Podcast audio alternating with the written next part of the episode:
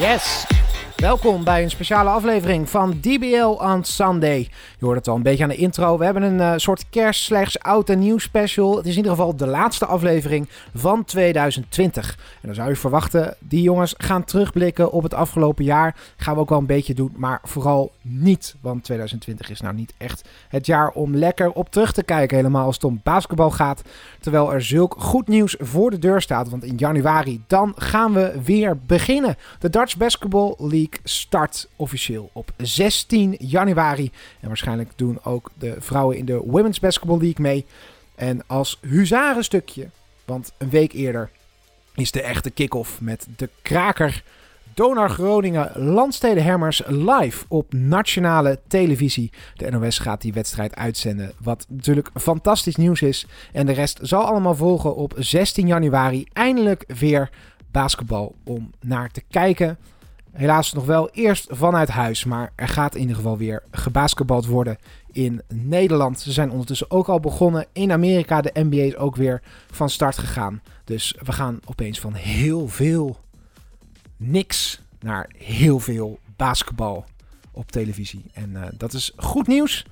En iemand anders die goed nieuws heeft, dat is mijn co-host. Die is er zoals altijd weer bij. Dat is Elliot Cox. Uh, ja, hoe gaat die man? Want uh, ik mag jou feliciteren volgens mij. I'm doing good. I just uh, finished up my associate's degree. thankfully, very relieved that I graduated. but I'm very excited. We have a lot of good news to discuss in terms of the DBL. just looking forward to discussing these new developments. Very, very excited. Ja, superman. Afstuderen, dat, dat hoop ik komend jaar ook te doen. Ja, ja, veel goede dingen om te bespreken. We hadden natuurlijk afgelopen aflevering het al over uh, uh, de herstart van de DBL. Die was toen gepland voor 16 januari. We weten nu dat het ook gaat gebeuren. We hebben het ook even gehad over de FIBA Eurocup, die uh, nog toegewezen zou moeten worden. En we weten nu dat die uh, naar Den Bosch gaat. En dat Den Bosch niet alleen de eigen groep mag organiseren, maar ook ehm, een andere groep. dus dat er twee groepen gaan spelen in de Maasport. dat is natuurlijk heel goed voor het Nederlands basketbal. Daar gaan we het natuurlijk deze aflevering uh, allemaal over hebben. Absolutely, a lot to discuss today. Let's uh, let's start off by jumping into that DBL restart.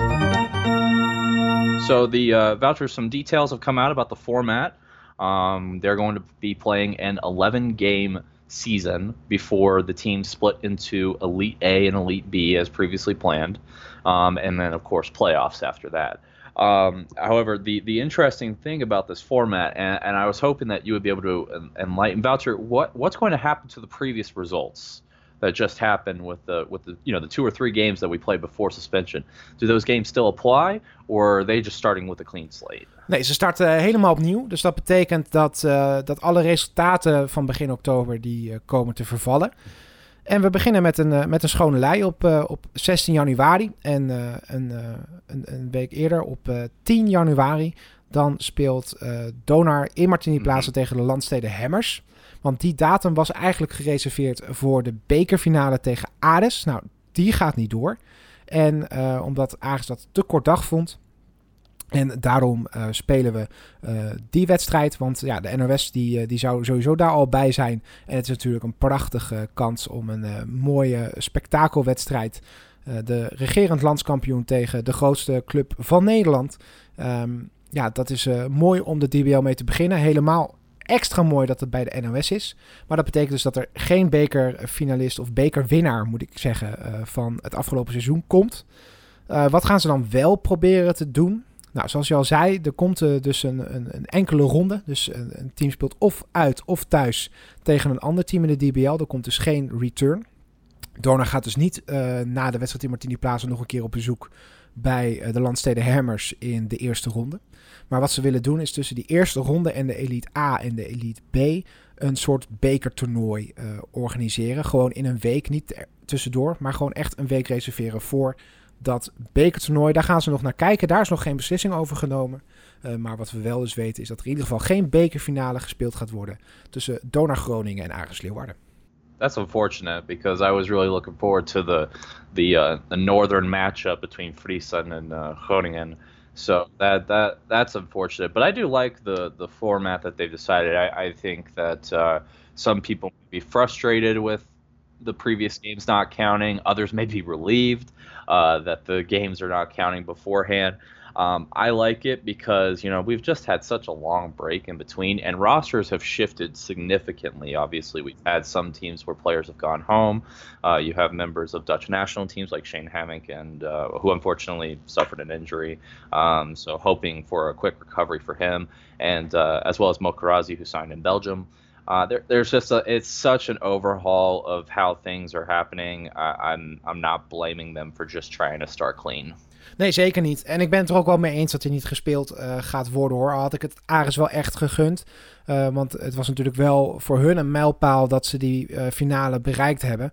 Maar aan de andere kant, kijk nou, helemaal naar Donar, hoe dat team veranderd is ten opzichte van afgelopen seizoen. Er staat gewoon bijna een compleet ander team. Er staat ook nog eens een, een, een nieuwe coach voor dat team. ja, dan, dat, dat, dat, dat is gewoon niet meer realistisch. Um, je zag het ook al een beetje bij de Carla de Liefde trofee, de beker bij de mhm. vrouwen aan het begin van, uh, van dit seizoen die nog wel gespeeld is, was tussen Den Helder en Binnenland. Ja, en, en zelfs daar waren al kleine veranderingen waarvan je zegt van ja, maar dit, dit laat ook niet helemaal meer zien wat de verhoudingen waren zoals ze die waren aan het eind van vorig seizoen. En uh, wij zijn met, uh, met deze finale zouden we nog weer eens bijna een half jaar verder zijn. Ja, dat, dat, dat kan eigenlijk gewoon niet. Dus ik ben helemaal voor het feit dat ze proberen om een nieuw bekertoernooi te organiseren. Ook heel erg fijn dat ze dat gewoon in één week willen doen. Ehm, niet met andere amateurteams erbij, maar gewoon met alleen de DBL-teams. Ik hoop dat dat lukt.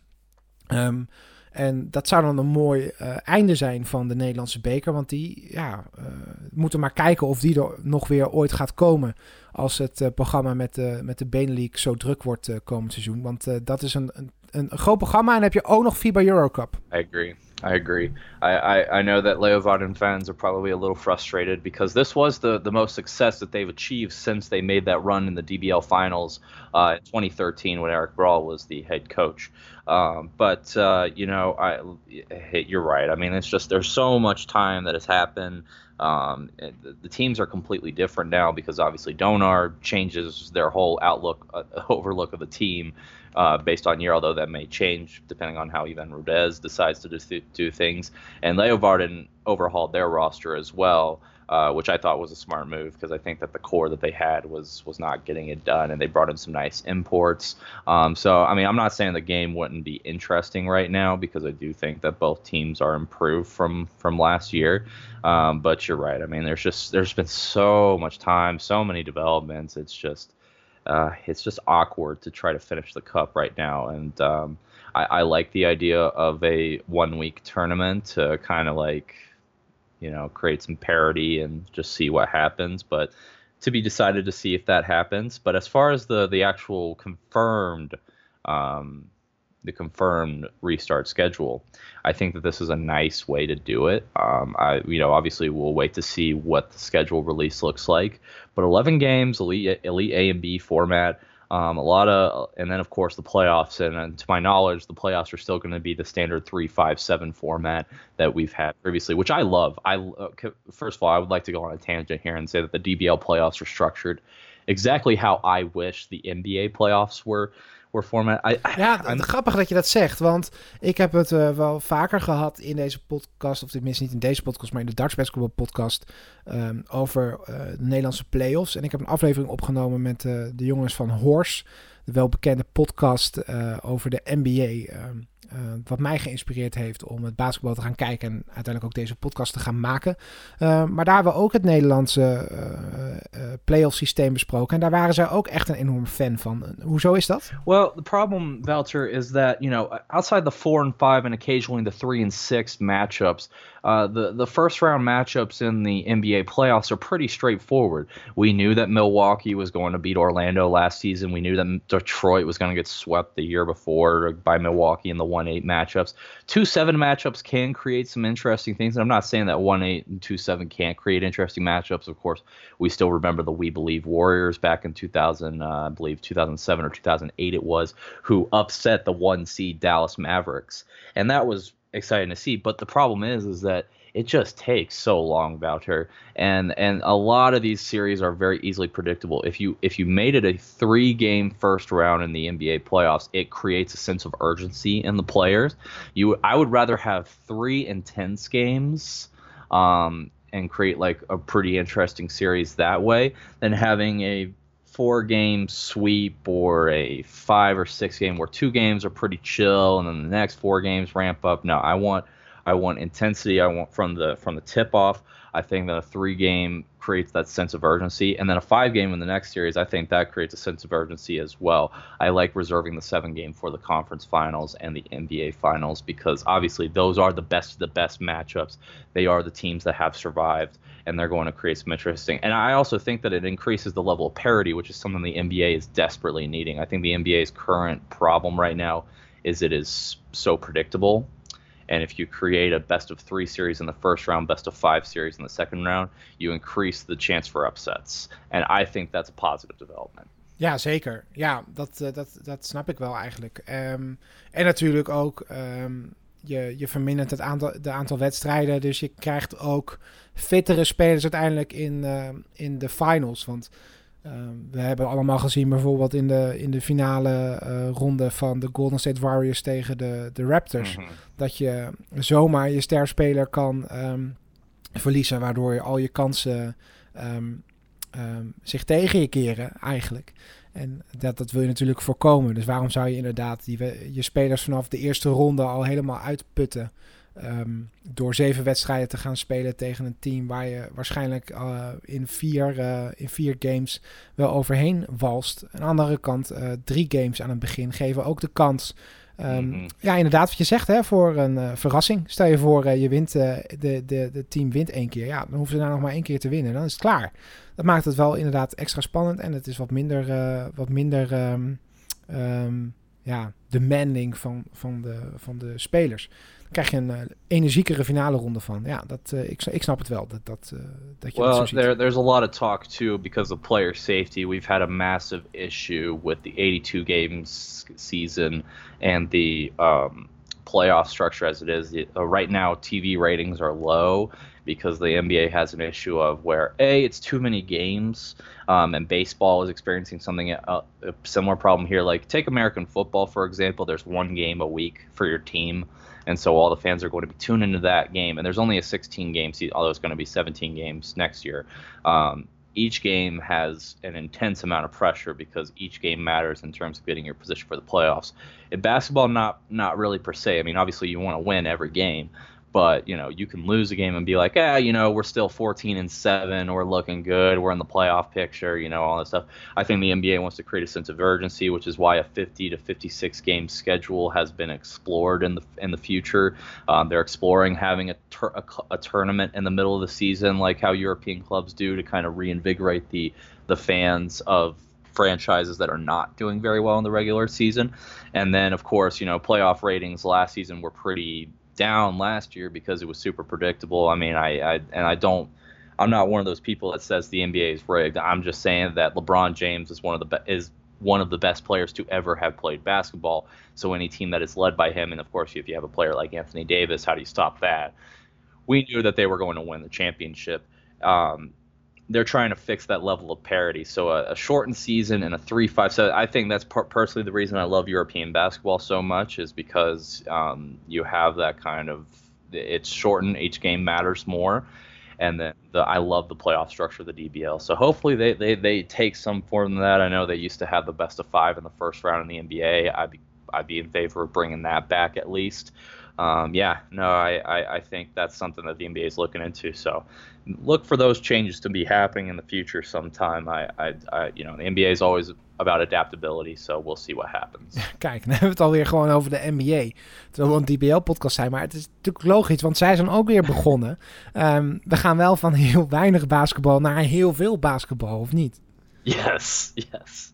Well, we have NBA restarting and uh, the DBL is coming back on January 16th. And, ja, maar daarvoor uh, hebben we natuurlijk ook nog al die oefenwedstrijden. En, en er worden nu al links en rechts nieuwe spelers aan, aangekondigd. Uh, ik denk mm. op het moment dat we deze podcast online gooien, dat ze dan alweer uh, weer verjaard zijn. Want dan zijn er hier weer uh, wat nieuwe spelers aangekondigd. Ik zie bijvoorbeeld nu net wat, wat binnenkomen van dat er weer een speler bij Den Bosch is aangekondigd. Het is natuurlijk wel, um, um, er staat natuurlijk heel veel te gebeuren. We kunnen ook eindelijk, denk ik, direct na de jaarwisseling beginnen met het bespreken van wat er allemaal um, is gebeurd bij de clubs. Maar ook wat gaat er komen. Er zijn natuurlijk heel veel interessante vraagstukken voor de start van het seizoen. Hoe komen alle teams uit de lockdown? Hoe fit zijn ze?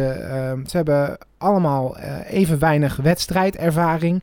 Hoe snel kan een team zich aanpassen? Het gaat natuurlijk niet alleen om talent, maar hoe krijgen de coaches het zo snel mogelijk op de rit om binnen elf wedstrijden zo goed mogelijk resultaat te halen in de eerste ronde en die Elite A en die Elite B te halen? Um, er zit druk op. Uh, je merkt dat ja, Den Bos allemaal nieuwe namen. Die willen natuurlijk ook gewoon uh, een flinke run gaan maken nu. Um, ja, ik vind het allemaal super interessant om te zien. Het, er komt zoveel um, nu opeens op ons af. We kunnen weer. En het, het, is, het voelt dat, dat voelt gewoon heel goed. En um, ja, het maakt het allemaal wel extra spannend. Zo'n ingekorte eerste ronde. Uh, het feit dat, uh, dat er dus zo weinig wedstrijden gespeeld worden. En dat de Heroes en Donor ook nog meteen eigenlijk eind januari alweer beginnen met de FIBA Euro Cup. Zoveel toffe dingen staan te gebeuren. Um, het wordt een heel leuk seizoen. I think that excellently uh, segues us to the second part of the first half.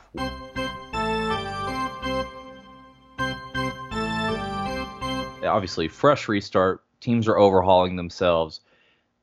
It's a lot of discrepancy. 11 game season, anything can happen. Elite A and Elite B are now completely up in the toss up. Voucher, would you would you look at, at the clubs and what the moves that have been made so far? Obviously, we'll go more in depth when we have our uh, preview, our restart preview uh, in January, and we know more at that moment. But you know, I, I like to think this is our way too early predictions. Um, who do you who are your favorites for Elite A right now? as as we head into this restart. Because obviously with 11 game season and the overhaul rosters, anything can happen. Ja, ik denk dat we gewoon met de usual uh, suspects kunnen beginnen. Um, ik denk dat we aan de traditionele top 4 wel, um, wel aan kunnen. Ik denk misschien wel, wel dat het een top 5 is geworden met Feyenoord erbij. Dus dan heb ik het over uh, Donar Heroes, Landsteden, Leiden uh, en Feyenoord. Um, de zesde, dat wordt, uh, dat wordt interessant. Um, Um, dat, dat kunnen meerdere teams zijn. Uh, Den Helder vind ik er goed uitzien. Um, we kunnen natuurlijk alleen maar afgaan op wat we op social media tegenkomen. Mhm. En een heel klein beetje van wat we aan het uh, begin van oktober hebben gezien. Um, ja, Leiden heeft natuurlijk wel echt een valse start gemaakt. Hebben wel weer nieuwe spelers aangekondigd. Dus de spelers die weg zijn gegaan, die zijn wel vervangen. Ik hoop dat die ook wat defensieve kwaliteiten meebrengen. Um, zodat Leiden um, gewoon goed kan beginnen. Ik denk dat zij ook uh, het meest uh, blij zullen zijn dat het echt een, een harde reset wordt. Dat we allemaal weer met een schone lei beginnen. Ja, Donar sowieso uh, hoge verwachtingen hebben ze altijd. Uh, bijna gekwalificeerd voor de Champions League. Heroes laat zien met de spelers die ze nu gehaald hebben meteen dat het uh, echt ambities heeft om, um, om ook echt die eerste plek te willen halen. En Donar aan te vallen. Zwolle, de regerend landskampioen, moet je nooit onderschatten. dus ja, ik denk dat dat, dat, dat dat wel zeker is. Maar het wordt onderin, Elite A, wordt het spannend. I agree. I think the question mark comes into these last two spots in Elite Eight because we know Donar Heroes Hammers they're probably going to be the top three. Feyenoord looks like a strong contender for number four. It's those five and six spots, and for me, it narrows. I, I, mean, there's there's plenty of clubs that can make a run, and at the end of the day, we'll see what happens. But I, maar dan reg je Leiden dus niet meer tot de top 4 direct. Yeah, yeah, yeah. Well, no, no, that's that's that's what I was about to say. Is that the it kind of comes down to three clubs on that le- on those last three spots. Leiden, of course, um, Den Helder Sons, and Yost United. Those three clubs are the ones that I see that are the toss-ups for Elite A. Now, if Leiden with their new moves, I think I'm pretty encouraged. I think I agree with you. I think I'm pretty encouraged by Leiden um, and the moves that they have made. I, if they can increase their defensive efficiency, I think that they will be a lock in for Elite A, like you said. So then that sixth spot becomes a toss up between Yost United and Den Helder Suns. Two clubs that looked really promising before the break. And obviously, um, Den Helder keeps their same core as before. Uh, the, of course, when you're a team led by Boyd van der Verstefries, uh, it's going to be a competitive club because you have that go-to guy that's super exciting to watch. Um, and then as for Yost United, surprise of the year is an understatement. I don't. I mean, we, you and I were saying that they were probably going to be the best expansion club, but my gosh, they they looked amazing and they didn't even have their imports in. Now, obviously, they lose Shane Hammock, but he was not even their top scorer. They have Caleb Warner and uh, Kaimi Helfrich uh, still uh, still returning, and then uh, we'll see if their imports come to play yet. But uh, yeah, who, do you who are you picking for that six spot? Because right now it's a toss up for me between Yost United and Helder. I give the edge to Yost, but this Den Helder club very good as well. Ja, ik denk dat ik dat ook echt het leuke vind van dit seizoen. Joost United was natuurlijk een, een verrassing. Ik ben ook heel benieuwd of ze die lijn na zo'n lange pauze weer door kunnen zetten. Dat zou echt goed zijn voor het Nederlands basketbal. Um, maar ja, we hebben natuurlijk een aantal teams ook heel weinig gezien. Basketbalacademie Limburg. Ja, ik heb die wedstrijd niet gezien tegen Joost United. Ik, ik kan het heel lastig inschatten. Want dat zat toen achter een, een, een, een, eh, een betaalmuurtje. Ehm, daarna mm. ook, ook, zijn er ook geen wedstrijden meer waar je echt een beeld kunt krijgen van hoe Basketbalacademie Limburg speelt. Hetzelfde geldt voor Ares. Um, terwijl het wel teams zijn die op papier ook echt wel een kans kunnen maken op die zesde plek. Het hangt er allemaal vanaf hoe die teams uit, de, uit, de, uit, de, uit deze ja, lockdown komen. Um, daar ben ik heel benieuwd naar. Uh, Sans leken goed. Had het wel hier en daar lastig tegen, tegen Den Haag. Um, vertrouw ook wel heel erg veel op de kwaliteiten van één speler natuurlijk. Boy van de Vuurste Vries. Ja, die toch vaak, de, ook afgelopen seizoen wel gezien, de 40 minuten aantikt en, en, en, en dubbele cijfers uh, noteert voor de punten. Um, ja, ik weet het niet. Joost United is wat dat betreft wat meer uh, gebalanceerder met meerdere spelers die, die de punten maken. Um, daarnaast ook gewoon echt twee ervaren DBL-spelers hebben en de imports die er aankomen. Ja, dat vind ik heel interessant om te zien. Um, is, ja, en dat vind ik het leuke dus. De, ja, de strijd om, om een plek in de Elite A gaat, in die, gaat voor die laatste twee, drie plekken heel interessant worden. En daarna wordt het in de top van de Elite B ook nog heel spannend. Yes, I agree. Um, and I think another club that we um, need to look at as well. Who I'm not sure that they're going to make it to Elite A. I'm less confident about them, but they still looked pretty solid going into the break last season, and they didn't lose a ton of players other than Thomas Smallwood. But Eris Leovarden um, looks to be, if not making Elite A, they look to be one of the top clubs in Elite B. Um, I don't know. What are, what are your thoughts? Ja, ik heb alleen de wedstrijd Ares Den Haag gezien. Um, ja, toen was het echt allemaal nog wel wennen. En dat, dat zag je ook. En um, ja, ik weet niet hoe Ares de voorbereiding heeft gedaan. Het zegt natuurlijk ook wel wat dat je niet op 10 januari de beekfinale tegen Donar wil spelen. Um, wat ik echt aan de ene kant jammer, maar we hebben het er net over gehad, vind ik ook begrijpelijk. Ja, het hangt allemaal van hun voorbereiding af. En of je uh, er meteen kan staan. Het wordt wel ook een beetje een, een, een, niet alleen maar eh, een battle of the teams, maar also een battle of the coaches. Welke coach krijgt het snelst zijn team echt aan het presteren? Want op papier ligt het hier en daar toch best wel dicht bij elkaar. Helemaal uh, rond uh, top Elite B, um, onderaan Elite A. en dan kijk, zien we toch wel heel veel ehm, coaches daar waarvan ik denk, ja, hoe, hoe gaan die het doen? Um, dit is natuurlijk wel het moment voor Ferret Nassiri om, om, om zo snel mogelijk, zo goed mogelijk te presteren met zijn team. Je kunt geen lange aanloop hebben. en als je dan kijkt tegen welke coaches hij het dan op gaat nemen. Nou, Peter van Noord bij Den Helder Sans. Uh, Radenko Farovic bij uh, Basketbalacademie Limburg.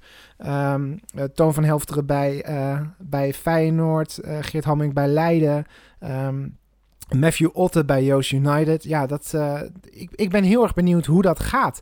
Het, het, het hangt dus ook heel erg af van, van hoe, de, hoe snel de coach en team mentaal zover krijgt dat ze ook echt meteen gaan presteren. Want um, wil je uh, de Elite A bereiken, dan moet je er wel direct staan um, aan het begin. Uh, dus het hangt er ook vanaf hoe snel je uh, vriendschappelijke wedstrijden kan inplannen. Ja, daar zijn Leiden en Den Helder zo te zien al wel aan begonnen.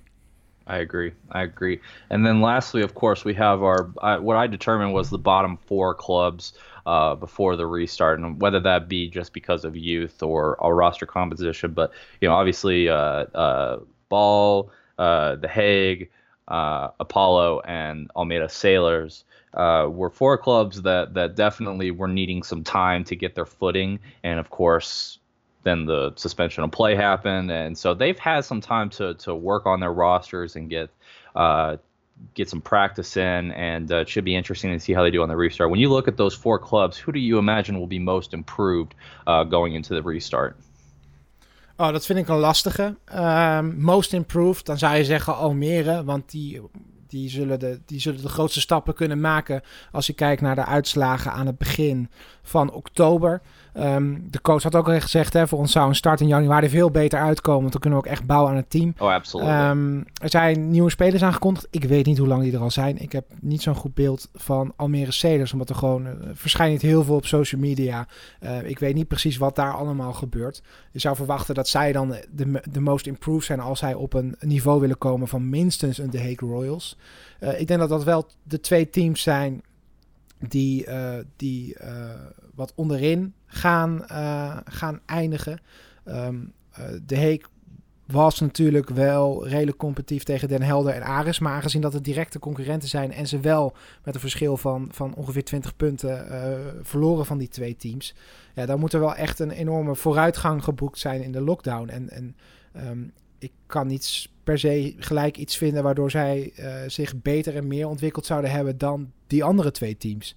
Um, dan zou je nog kunnen zeggen, Ares is een speler kwijt. Um, maar ja, dat mm -hmm. vind ik niet het beste argument, omdat de rest natuurlijk wel gewoon um, er is. en ook daar al een vervanger voor is voor Thomas Walbert. Dus dat vind ik, ik vind het gewoon heel lastig. Want uh, ook met Apollo, daar zitten natuurlijk wel wat interessante spelers. Um, mm -hmm. Absoluut. Ja, uh, ik, ze zijn, ze zijn, het zijn allemaal teams die potentieel competitief zouden kunnen zijn. Het hangt er gewoon ja, echt af um, hoe goed je start. Um, ja, wie van die vier ik dan het voordeel zou geven? Ja, dan zou ik echt zeggen bal. Want uh, ik heel weinig zicht gehad op hoe zij gespeeld hebben. Die wedstrijd zat achter een betaalmuur niet gezien. Um, maar dan moeten we afgaan op vor vorig seizoen. En toen hebben ze het heel goed gedaan. Ja, dus waarom zou Bal niet zo makkelijk mee kunnen yes, doen als exactly. Den Helder of zo? I, I, I think when you look at these four teams, uh, you know, Apollo was interesting because they relied so much on Versteeg and uh, Sergio uh, Durandame, and um, obviously both talented players in their own right, but uh, they they need help for them to be more competitive. Almira obviously did the best they could with the shortened off season. Now with more time, I'm interested to see what they can build. But I, I think you're right. If there's any of, of these four clubs of who I, I think could give the best improvement as far as right now, of course, we'll see how we feel um, come January when the off season is finished. Um, I, I, like ball. I think that they're going to be well improved, and I think uh, with Varijic having the having the time to improve his roster and to get the fundamentals down more, I'm sure that uh, they will look much more improved. And like you said, we didn't really get a chance to see what went wrong in that game. We only get to see the statistics, and uh, you know, statistics don't tell the whole story. Um, so you know, I'm interested to see how they look. And the Hague was was pretty competitive as well. I, I think those two clubs have a shot. But I, I will say that it, even if none of these clubs like Den Helder, Ball, the Hague make elite A like we like we think is going to happen, that does not. I, I, think you're right. It does not mean that they're not competitive teams. And I think that that race for the seven and uh, and eight seed in Elite B is going to be interesting. And if I'm Donar and Heroes, I'm not underestimating any of these teams that come out of Elite B because they certainly have their own levels and dimensions that make them very interesting to play against. So I, I, I think there's something that you have to keep an eye on. Zeker. En, en we hebben zoveel factoren nu benoemd. Uh, wat uh, in het voordeel of in het nadeel is van een team. Het is zo lastig om een voorspelling te maken. Ik denk dat we echt even moeten wachten tot de eerste oefenwedstrijden gespeeld zijn. Um, maar het, het, maakt het echt wel leuker zo. Um, want kijk, we hebben het nu wel een beetje gehad over de kleinere teams. Het ligt allemaal heel dicht bij elkaar. Ik zie voor de meesten echt geen reden waarom, ze niet competitief zouden zijn om een plek 6, 5 in Elite A te halen. Want kijk bijvoorbeeld naar Leiden. Stel je nou voor dat die twee uh, vervangers die ze gehaald hebben, dat dat allemaal klikt en ze een vliegende start maken. Of dat het niet zoveel uitmaakt en ze eigenlijk op dezelfde voet doorgaan. Het kunnen twee totaal andere kanten op. Stel je voor dat Feyenoord uh, net zo'n bliksemstart maakt als dat ze afgelopen seizoen hebben gedaan. En ze staan opeens tweede na, uh, na 19 wedstrijden, weet je wel. Dat, dat kan.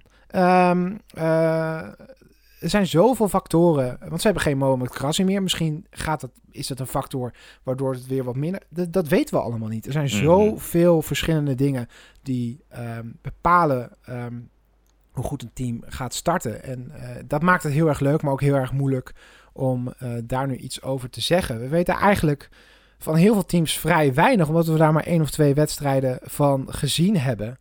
Um, Ehm, ja, dat vind ik lastig. Uh, de meeste, team die we het meest aan, aan, aan het werk hebben gezien zijn Heroes en, en Donor. Omdat die de meeste preseason games hebben gespeeld tegen grote tegenstanders. Hè? Heroes tegen Brussel, uh, Antwerpen en Leuven. En Donor had natuurlijk ook die hele um, Champions League kwalificatieronde erbij. Kijk, Ivan Redes heeft natuurlijk wel laten zien wat hij kan doen als hij heel snel moet presteren. Uh, aan de andere kant, Heroes heeft nu allemaal weer nieuwe spelers erbij. Misschien pakt dat ook wel heel erg goed uit. En, en, en um, uh, ja, zorgen zij weer voor een grote verrassing. Het, is, uh, het ligt allemaal wel. Um, uh, het zijn zoveel factoren, inderdaad, zoals ik al zeg, um, die ervoor kunnen zorgen dat dat team waarvan wij denken dat ze het niet zo goed gaan doen, opeens wel heel goed gaan doen en andersom. Dus ja, we moeten het gewoon maar lekker afwachten. Het is in ieder geval wel een heel fijn vooruitzicht, helemaal uh, nu het zo spannend is, uh, omdat er meteen vanaf het begin echt gepresteerd moet gaan worden. Dat vind ik gewoon heel erg leuk. I'm excited to see what the second round matchups turn out to be. Um, but speaking of those of those upper tier teams, uh, pretty exciting news that we'll be discussing in the second half.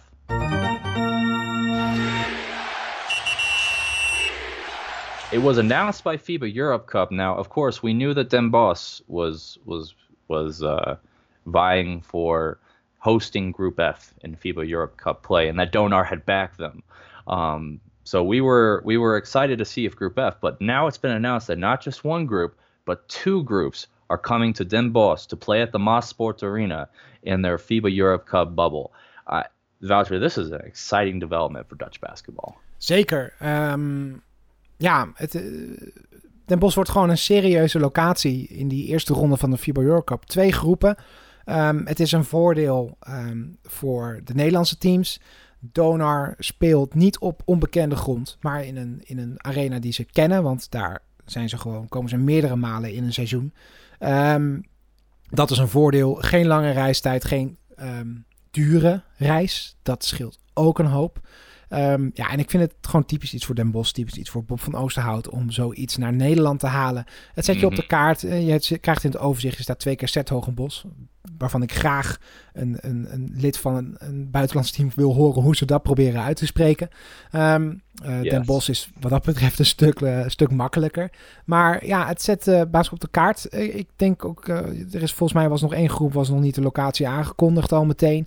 misschien staan landen er ook niet echt om te springen om... Um, om uh, het te organiseren. Ja, en dan is het tof dat, uh, dat Den Bos uh, gewoon twee groepen toe bedeeld krijgt zeg, uh, het wordt gepresenteerd als een serieuze locatie. Um, Nederland wordt serieus genomen door de FIBA als het gaat om dat soort dingen organiseren. Want de, de, de Orange Lions dames team mocht ook in Amsterdam de bubbel organiseren voor de uh, eh, EK-kwalificatie.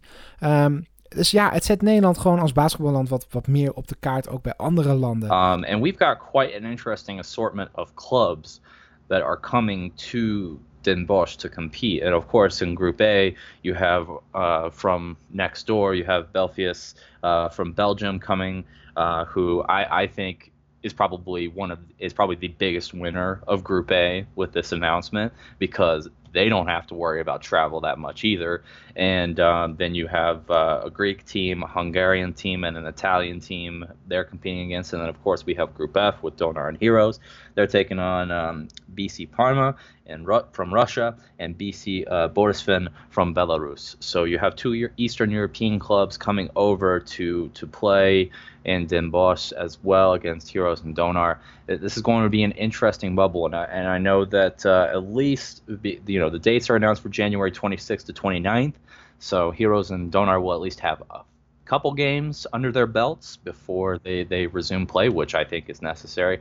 Um, I, and of course, with the 11 game restart format, that means that these are going to be high intense games as well. So I, I think that that's going to be good for both teams to, to experience those high intensity matches uh, before heading into the FIBA Europe Cup. So I'm, I'm excited. I think this is a really, really fun development, and it'll be interesting to see how it turns out and how it gets organized. But I'm optimistic for how the bubble works. I think Heroes and, and Bob Van Oosterhout will uh, will come up with a with a great format to be able to keep everybody safe and uh, to be able to resume play.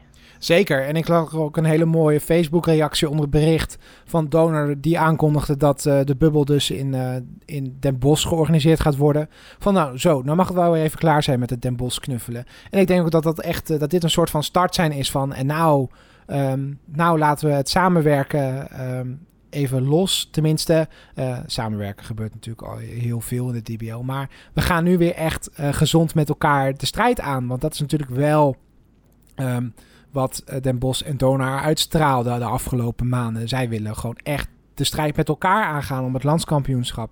En om zover mogelijk te komen in Amerika. Mm. Het zijn de twee grootste clubs van Nederland. Daar kunnen we gewoon niet omheen. En ik weet dat we het heel vaak over deze clubs hebben. Uh, en het zou nog leuker zijn, en dat verwacht ik ook echt wel hoor, dat er een Leiden, een, een, een Feyenoord, een, een, um, een Landstede Hemmers daar ook echt flink in kunnen gaan prikken en zich daartussen kunnen wringen.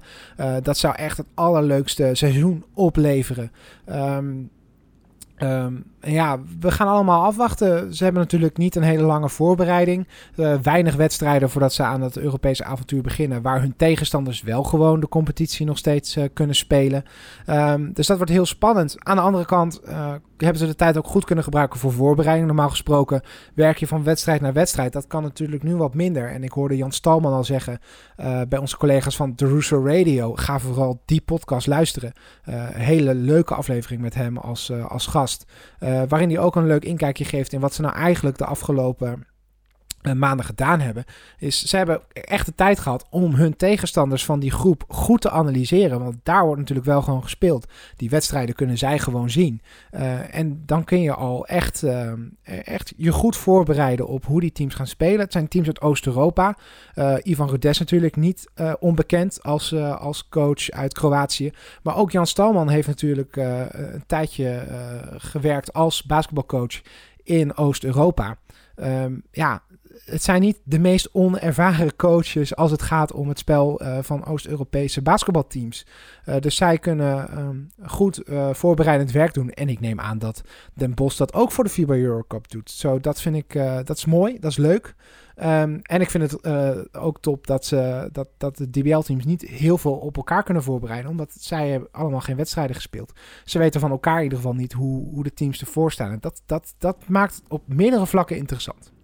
I agree. Uh, well, and especially when you don't have as many game ex- as much game experience going into the games, preparation is the most key thing that they have to keep focused on, because uh, they don't they don't have as many games to, to warm up before and get their players out of rust. So the the key is going to be their system and how they and how they uh, how they play the game overall. So I, I, I I'm I'm I'm happy to hear that both clubs are going to be putting in a lot of preparation for these games because that's really going to have help them have the best chance to uh, move on to the next stage of FIBA Europe Cup and to have two Dutch clubs, um, you know, only two Dutch clubs playing this year, but have both of them moving on to the second stage of FIBA Europe Cup. That's the ideal situation. And um, yeah, it, it'll be interesting to see how it turns out. Uh, but I'm optimistic that uh, for Donar, and I'm I'm hopeful for Heroes as well because I, I think both clubs have what it takes to move on to that second stage. Zeker. Um, um, en ja, weet je, ik kan er gewoon niet op wachten. Uh, er zijn zoveel factoren die um, de herstart van het seizoen zo spannend maken. Um, En het feit ook nog dat, en dan nu wordt het weer een beetje jammer dat Donar en Heroes wel bij elkaar in dezelfde groep zitten. Want nu wil ik ook gewoon echt dat, dat, mm -hmm. dat uh, de Nederlandse teams ver komen in Europa. Uh, dat zou super zijn. Um, dus ik hoop gewoon op, uh, op een Donar en Heroes die beide 1 en 2 worden van de, van de groep. Welke volgorde, dat maakt mij nog niet eens zoveel uit. Um, het kan zo nog zijn dat een plek 3 ook al genoeg is om te plaatsen. Want volgens mij wordt er van alle plekken 3 zijn er ook nog eens vier tickets om door te gaan naar de volgende ronde. Dus de kansen liggen daar zeker. Ehm, en daarbij komt natuurlijk ook nog gewoon het, het DBL-seizoen, wat al interessant genoeg is om eerder genoemde redenen. Um, we krijgen alle oefenwedstrijden, dus Elliot, ja, ik vind het fantastisch dat wij gewoon straks het nieuwe jaar kunnen beginnen. En heel veel basketbal hebben om te bespreken. En we eindelijk weer eens een keer terug kunnen naar het originele concept van deze podcast. Namelijk een actuele podcast over de Dutch Basketball League. Waarin we bespreken wat er de afgelopen week allemaal wel niet gebeurd is. Omdat de DBL een competitie is waar zoveel gebeurt. I agree. And I, I think that, and know that Donar was not alone. And that I believe Den Helder as well was, was opting for an earlier restart. So hopefully you see some friendly games between maybe, say, Donar and Helder. Maybe Leo Varden wants to get a friendly game in before restart. Hammers will likely do that because uh, if I know uh, Herman Vanderbilt, he'll want some friendly games to work out some kinks uh, before the season starts. There's a lot of possibilities here, and I'm interested to see what friendlies get scheduled uh, to get players back into playing shape before we restart. Uh, but I, I have to say that the biggest win of all of this with FIBA Europe Cup uh, and being uh, announcing at Den Bosch, I think it legitimizes Dutch basketball even more so because now that it's recognized as a top sport by the Dutch government, now that it's being now that it's hosting an, a European competition, this is something that puts Dutch basketball on the map. And so I think that it's huge that organizations like Donar and Heroes have taken the lead to help bring the DBL out of the shadows per se, and uh, to really up the uh, up the appeal and the prestige of the league. And that makes me more hopeful for when we combine with the Belgian league for Bena League uh, next season. That there's going to be some some positive developments in, in terms of increasing competitive, competitiveness from Dutch clubs. So I, this is this is positive steps forward for Dutch basketball. I think we're making great strides, and I have to give all the credit to to people like Ivan Rudez and Bob Van Oosterhout who have been vocal and have been speaking out and trying to increase Dutch basketball's prestige. Uh, the, the future looks bright, Walter. I'm, I'm really excited. Ja, we ontkomen er toch niet aan, Elliot. We moeten toch even um, gaan kijken naar 2020. Um, ehm, het is een beetje, ja, ik, ik, vind het lastig. Want aan de ene kant is 2020 mm. natuurlijk een, gewoon een, een piepjaar. Maar het is ook um, voor basketbal zijn er ook weer zoveel positieve grote ontwikkelingen uh, aangekondigd of hebben plaatsgevonden. Uh, kijk bijvoorbeeld naar de Orange Lions. Zowel de dames als de heren hebben een serieuze kans om het EK te bereiken.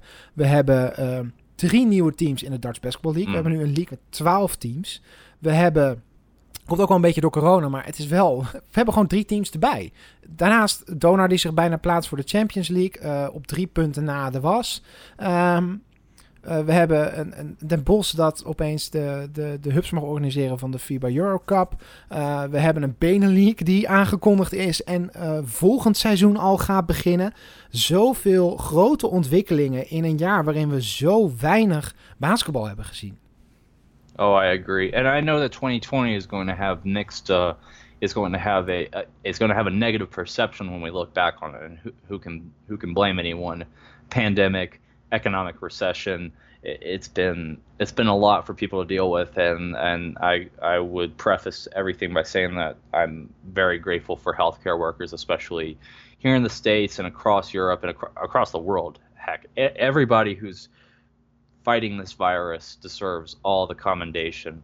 And uh, to, to see people not taking it seriously still is very sad. But that being said, uh, uh from a basketball perspective, I look back on 2020 with a lot of hope, especially for Dutch basketball, because, like you said, we're hosting the FIBA Europe Cup, where we, we had a team almost make the Champions League we had uh, we have two clubs that have really taken the st- the next steps in order to uh, become more competitive on a European scale. Three new teams announced to the DBL, which which honestly was fantastic. And heck, you could even say four new teams in the sense that Apollo was not going to be competing this year either, and they managed to to uh, stay in the DBL for this season as well.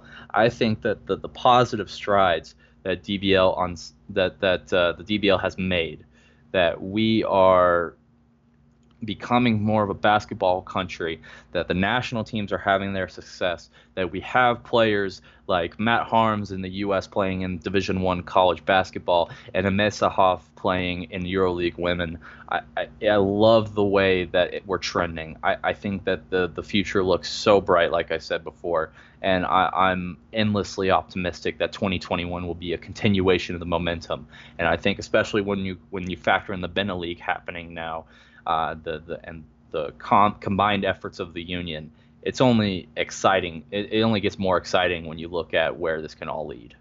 Zeker. En, en ik denk ook dat. Uh, kijk, we zitten nu al zo lang in deze situatie, sinds maart. Um, er moet zoveel geïmproviseerd worden. Het heeft ook heel veel ontwikkelingen die wel op de planning stond. Uh, in een soort van sneltreinvaart um, gezet. Bijvoorbeeld het, het, het, bieden van online content. We zien nu steeds meer takeovers. We zien talkshows online. We zien streaming wordt serieus nu eindelijk naar gekeken, ook door de kleinere teams. Die worden geholpen, die zelf heel goed bezig zijn met het ontwikkelen van, van de kwaliteit van de streams en wat zij online bieden. Ik denk dat dat een hele goede ontwikkeling is. Um, uh, en ik hoop ook echt, ik hoop echt dat teams dat volhouden. Ook als er straks weer langzamerhand mensen naar de zalen mogen komen. Dat we dat, dat de teams echt die focus houden van hoe houden onze fans ook buiten de wedstrijden om betrokken bij de club. Um, en, en kunnen we de lessen die we eigenlijk leren nu van deze pandemie, um, kunnen we die doortrekken om ook uh, daarna een soort van stijgende lijn te kunnen blijven um, voortzetten als het gaat om het bieden van content buiten de wedstrijden om. Uh, ik denk dat dat heel belangrijk is geweest en nog steeds wordt voor dit, voor, voor dit seizoen.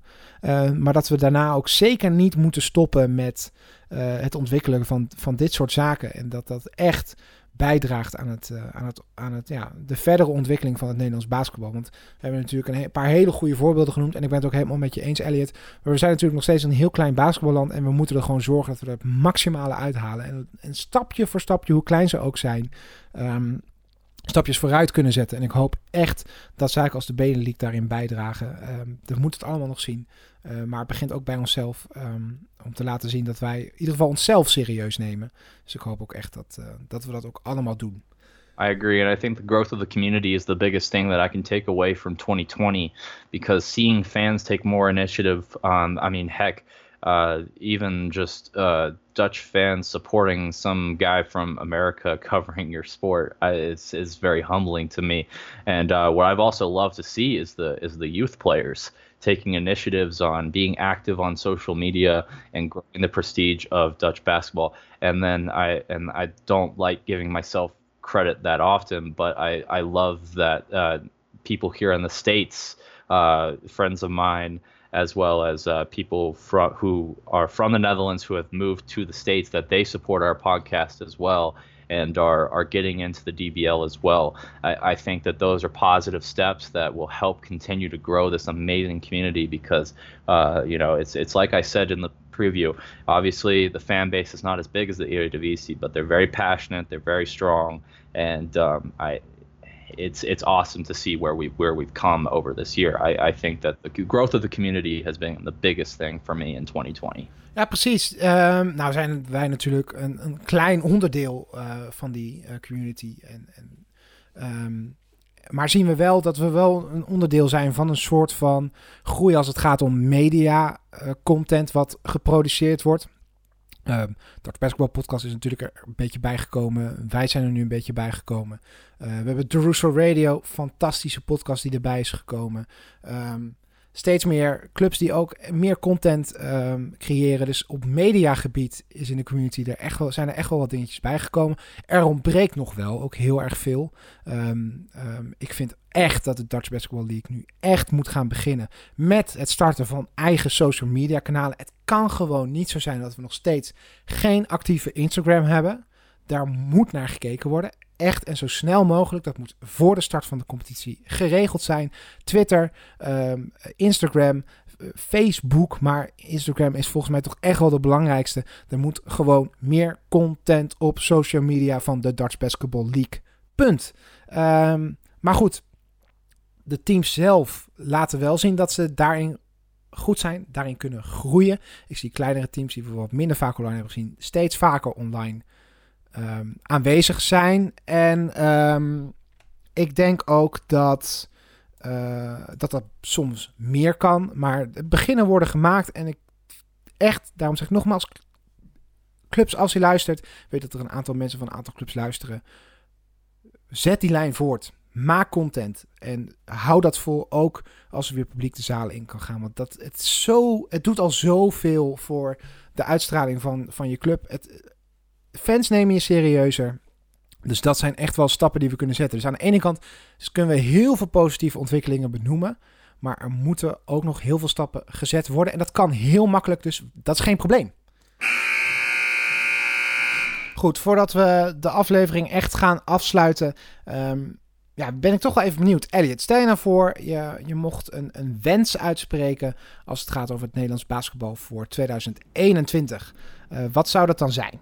So for my, I have, I have three wishes. Nou vooruit, je krijgt van mij drie wensen. Oh, thank you, thank you.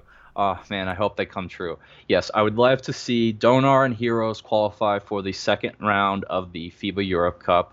Um, I want to see the I for 2021. I want the Bene League uh, to really help in taking that next step, and uh, and then for the third thing, I would love to see the the DBL uh, increase its social media presence, and for the smaller clubs to also take initiative in, in increasing their social media presence as well.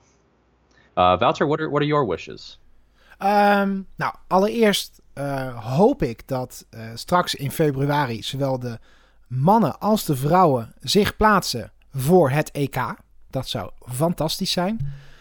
Ten tweede hoop ik dat we de restart van het seizoen um, gewoon goed kunnen spelen. Dat corona niet te veel roet in het eten gooit. Dat we gewoon door kunnen. Dat er weinig uh, onduidelijkheid is over wat er moet gebeuren. Mochten er spelen, uh, spelers besmet zijn. Dus dat we gewoon een goede restart hebben. Een goed seizoen met weinig onderbrekingen. En als laatste, en dat vind ik toch wel, uh, dat hoop ik toch wel echt, dat de laatste playoffs zoals het er nu uitziet, zoals we die altijd hebben gekend, um, uh, voordat de Benelux start, dat we die in ieder geval met een beetje publiek kunnen spelen. I agree. I agree. And I would also say for my final wish, nee, nee, nee, uh, I'm going to cheat and get a fourth wish. I hope I can move to the Netherlands soon. Oh, oké. Okay. Nee, dat is goed. Dat is goed. Nee, dan, uh, dat wordt dan uh, je goede voornemen. Yeah, exactly. Exactly. Exactly. Uh, wow. Well, Wouter, it's been a it's been an interesting uh, first half of season one of DBL on Sunday. Definitely did not play out how we hey, thought wel, it welke would. Welke eerste helft? Volgens mij is er gewoon helemaal niks gespeeld hoor. Volgens mij, oh, yeah, uh, ik heb nog, nog geen wedstrijd gezien dit jaar. Want ze, beginnen pas uh, 10 That's januari. That's true. Uh, preseason, preseason. Het was gewoon heel lang voorseizoen. Ja. Wow. I look forward to the, the to, uh, to January then. I, I think this is going to be very exciting. Uh, I, I'm, I'm, I'm more than optimistic about, uh, about 2021. And um, my gosh, we've got some interesting matchups that we're, we're looking forward to talking about. Ja, precies. We hebben nu 12 afleveringen voor niks gemaakt. Dan moet nu eigenlijk wel eens een keer wat gaan gebeuren. yes, exactly. exactly, exactly.